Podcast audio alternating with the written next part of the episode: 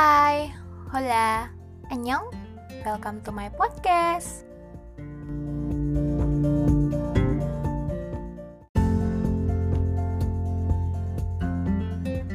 Hai, hari ini Anet bakalan melakukan interview pertama setelah uh, bulan Mei lalu. Anet memutuskan untuk resign dari perusahaan yang lama which is itu adalah perusahaan pertama setelah saya berstatus fresh graduate. Jadi ada sekitar 7 bulan saya bekerja dan saya memutuskan untuk resign dan istirahat selama satu bulan penuh. And then uh, saya apply kembali uh, eh, CV ataupun lamaran ke berbagai perusahaan dengan uh, beberapa job role atau job title. Nah, berhubung hari ini adalah uh, interview pertama, itu perasaannya campur aduk gitu. Pertama pastinya senang, bersyukur ada yang uh, berniat untuk mengetahui kemampuan saya lebih dalam. Terus yang kedua pastinya perasaan deg-degan ada, cuman gak sedeg-degan waktu pertama kali, waktu di awal-awal di awal-awal cara kerja gitu. Mungkin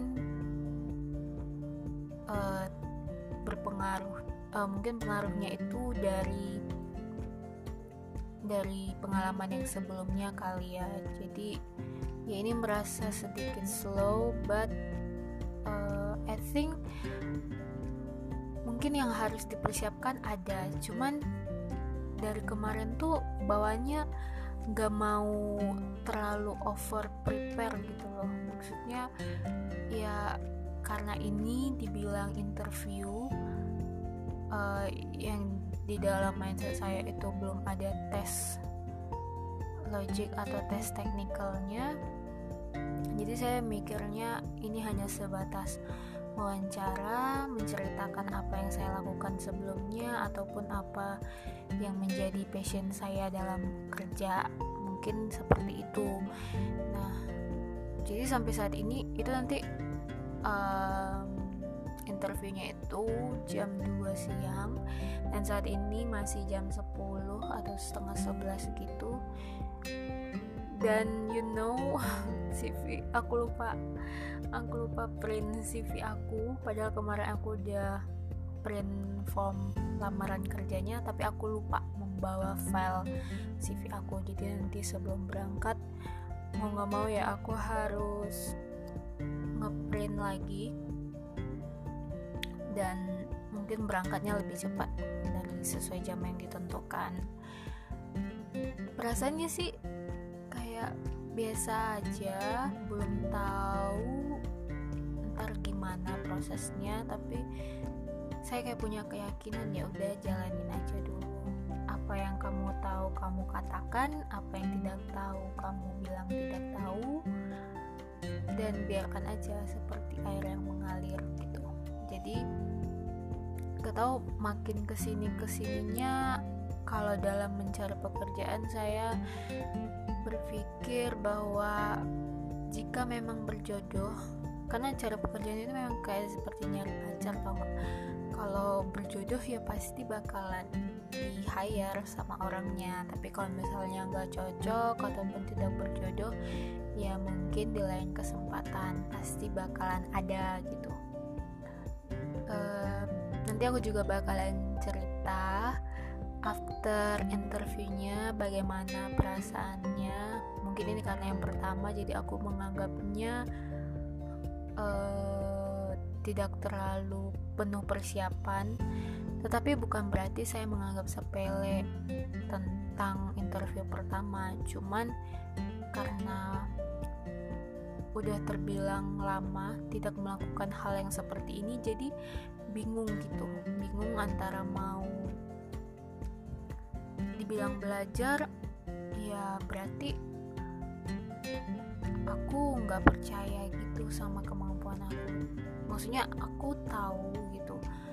Uh, job title yang aku lamar sekarang itu memang job title yang uh, aku sukai dari waktu aku masih kuliah. Bahkan setelah fresh graduate pun aku tetap mengincar job title itu. Nah jadi aku berpikir apa yang aku tahu selama ini itu akan membantu aku untuk menjawab pertanyaan saat interview nanti. Jadi untuk lebih lanjutnya biar uh, pendengar mungkin tahu apa yang akan terjadi setelah aku interview ntar aku kabarin ntar aku infoin apa yang aku alami setelah interview? Apakah gue mendapatkan kabar buruk mungkin atau sebaliknya? Ya pastinya aku pasti berserah dulu kepada Tuhan. Uh, karena semua ini selalu uh, adalah hasil campur tangannya Tuhan. Aku hanya bisa berusaha berupaya dan selebihnya biarkan Tuhan yang mengatur segalanya oke ditunggu ya kabar selanjutnya dan Semoga hal-hal yang baik terjadi hari ini. Amin. And then,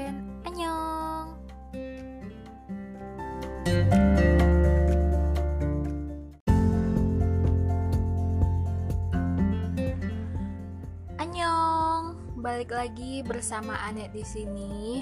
Sesuai janji Anet uh, tadi, tadi siang lebih tepatnya, Anet akan mengupdate hasil dari interview pertama Anet setelah resign.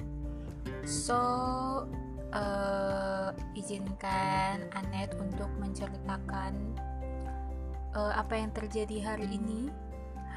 Apakah uh, menghasilkan kabar baik atau kabar buruk? So, ditunggu aja ya. Alright, kita mulai aja. Uh, pertama itu,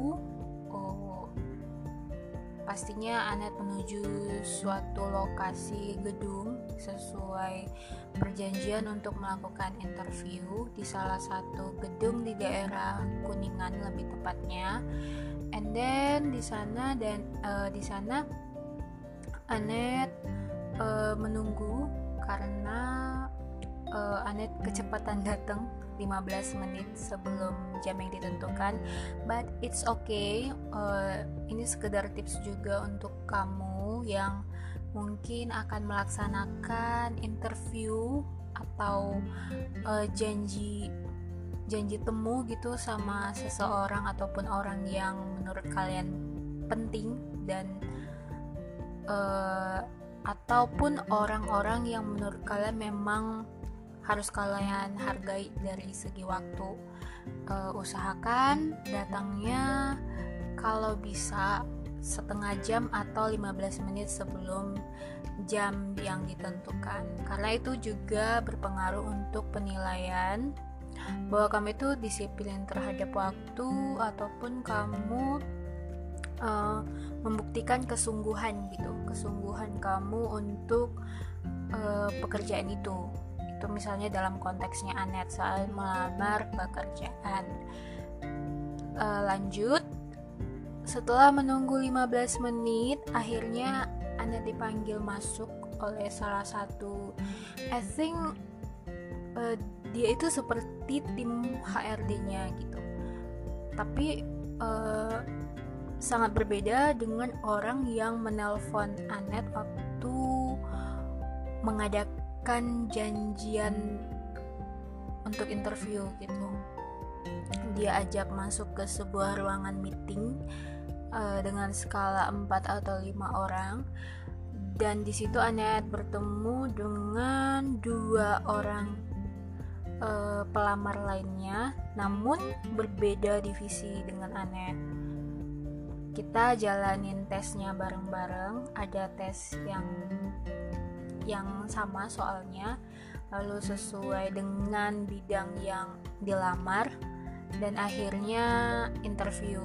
Nah singkat cerita sebelumnya tim HRD-nya uh, cuma bilang kalau uh, agenda hari ini hanyalah interview. Dan uh, kebetulan Anet dapat jadwal interview itu langsung dengan CTO-nya otomatis awalnya kaget sih gitu jarang-jarang sih. Uh, biasanya interview itu langsung ke atasannya gitu.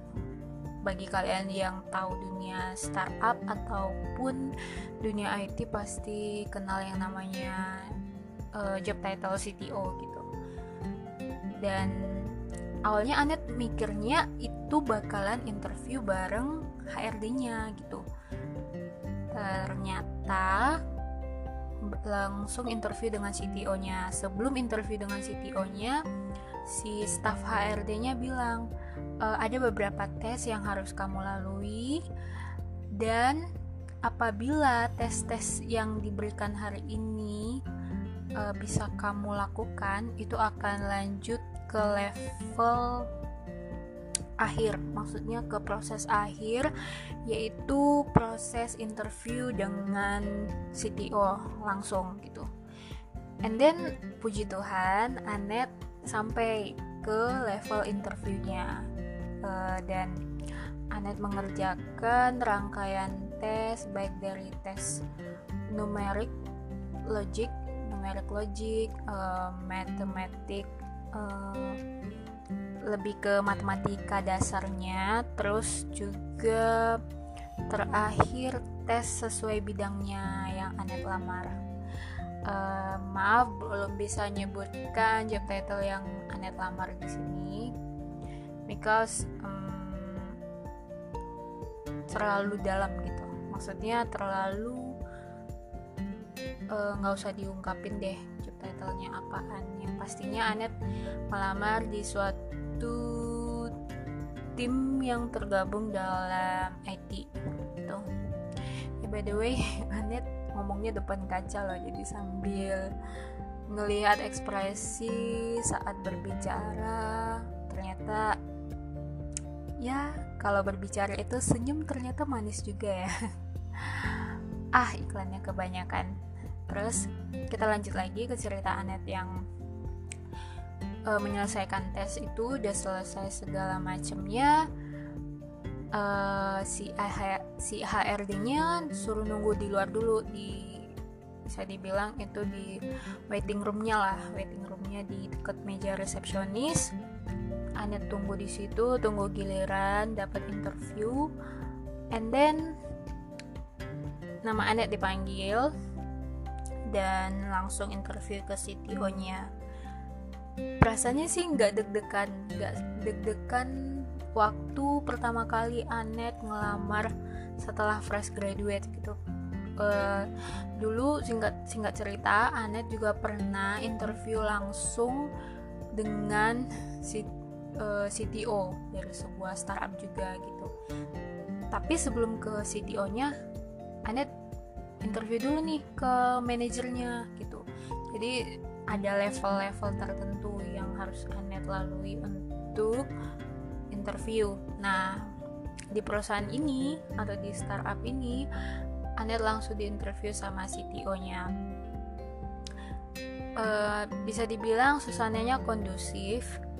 Uh, beliau tidak terlalu menekan, beliau hanya menanyakan latar belakang kerjaan net sebelumnya apa, terus uh, beliau juga menanyakan beberapa pertanyaan apakah uh, kamu bersedia begini begini begini dan seterusnya dan Anet juga menjawabnya secara jujur sesuai apa yang Anet harapkan.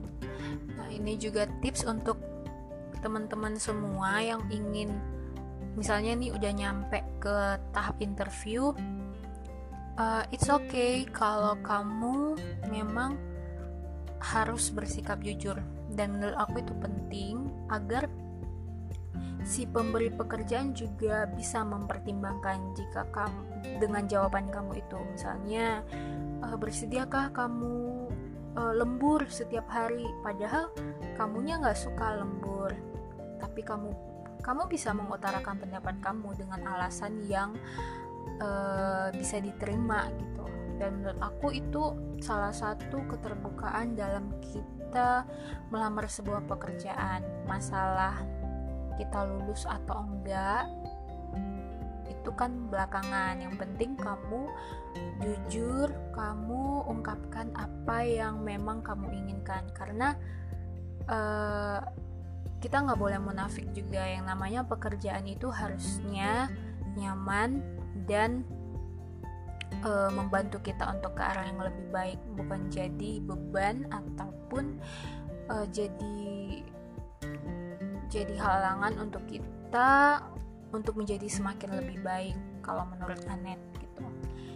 Jadi singkat ceritanya lagi, Anet udah selesai interview dengan uh, eh, CTO-nya. Uh, CTO-nya bilang um, paling cepat akan saya kabarkan di hari Jumat. Uh, katakanlah itu masih pengumumannya di diberikan dalam minggu itu. Positifnya uh, yang saya apresiasi dari sikap si CTO-nya itu memberikan setidaknya memberikan uh, jawaban gitu.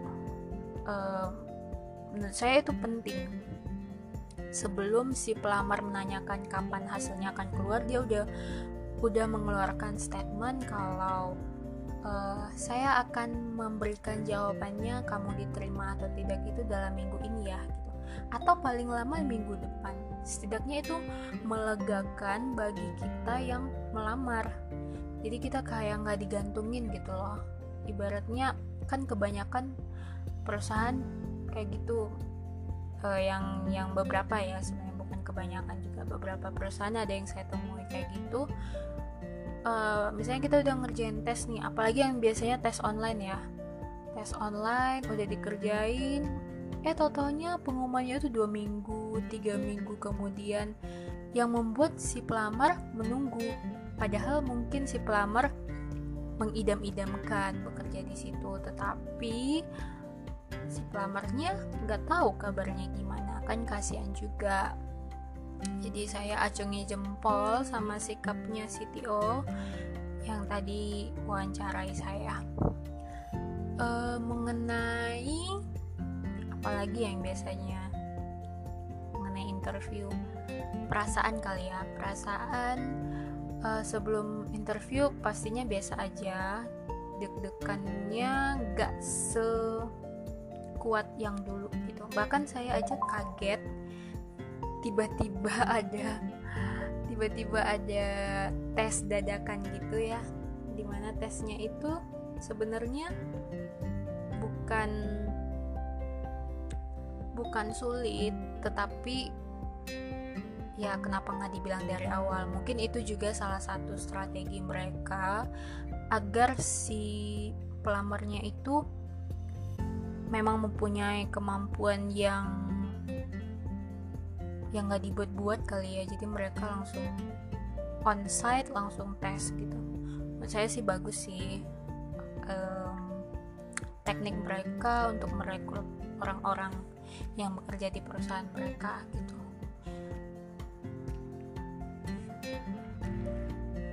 Nah, after Anet interview, uh, Anet merasa uh, bahwa diri Anet itu sudah melakukan hal yang sebisanya, hal yang semampu Anet perbuat dalam melalui tes, interview, dan bisa dibilang perjuangan Anet dalam uh, melamar di pekerjaan tersebut.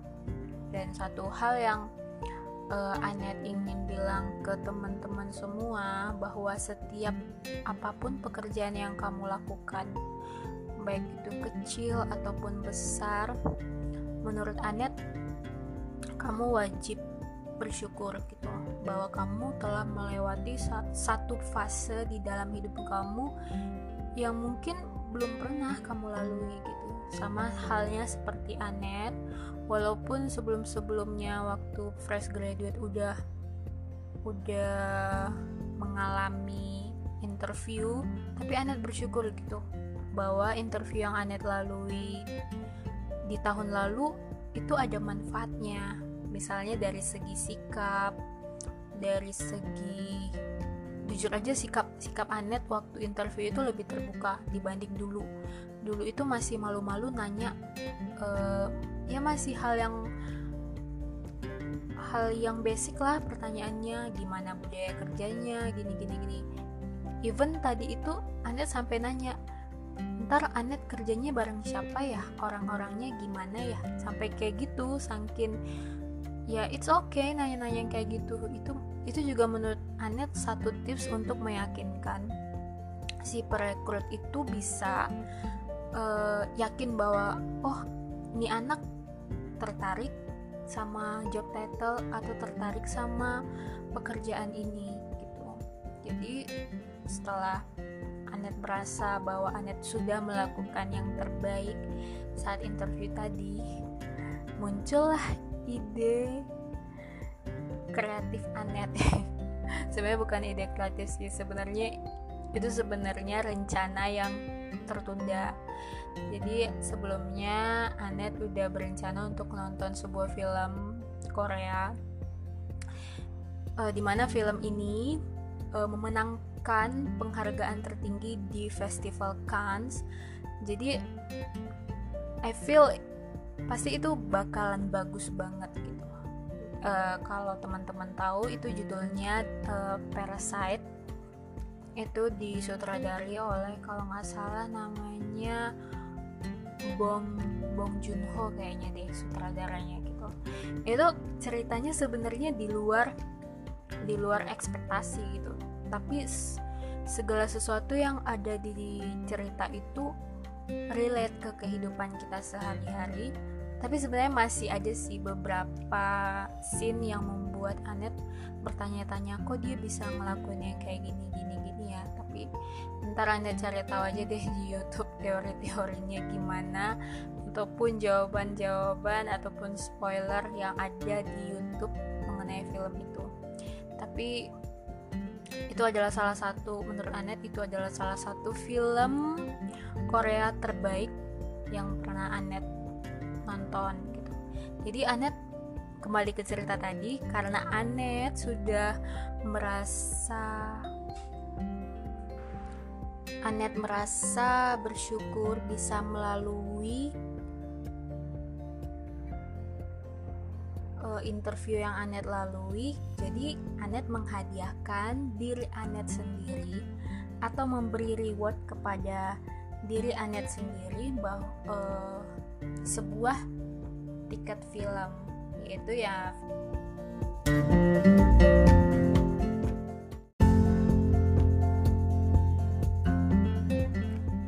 tiket Parasite. Nah, uh, buat teman-teman sekalian, perlu juga sih menurut Anet memberikan reward kepada diri sendiri. Apalagi uh, itu membuat diri kalian itu semakin lebih baik, semakin dihargai. Karena tanpa kita sadari, uh, diri kita itu perlu dihargai gitu. Dan lebih bahagianya lagi jika yang menghargai diri kita sendiri itu adalah kita sendiri. Jadi itu semacam terapi tetapi secara tidak langsung bakalan membuat diri kalian lebih baik lagi dari sebelumnya. Jadi menurut Anet itu bisa diberi uh, reward dan itu merupakan salah satu contoh yang baik kok.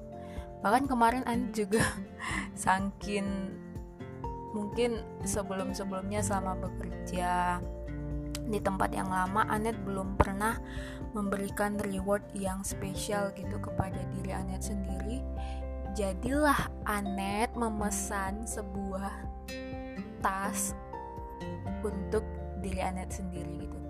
Jadi Anet merasa oh ya ya saya kan juga belum punya tas yang kayak gini.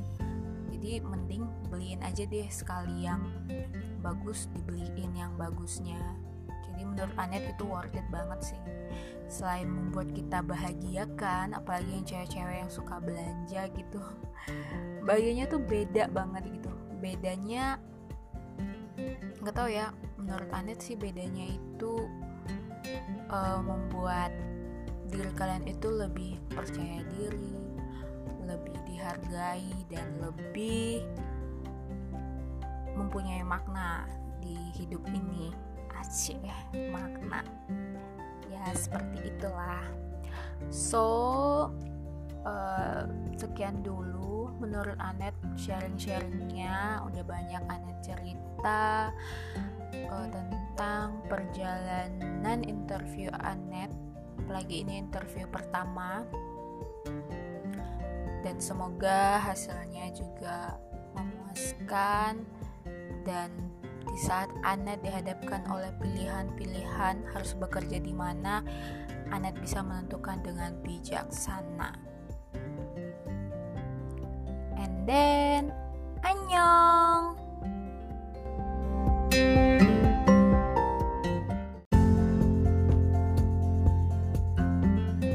Sekian dulu ya cerita Anet hari ini, and see you.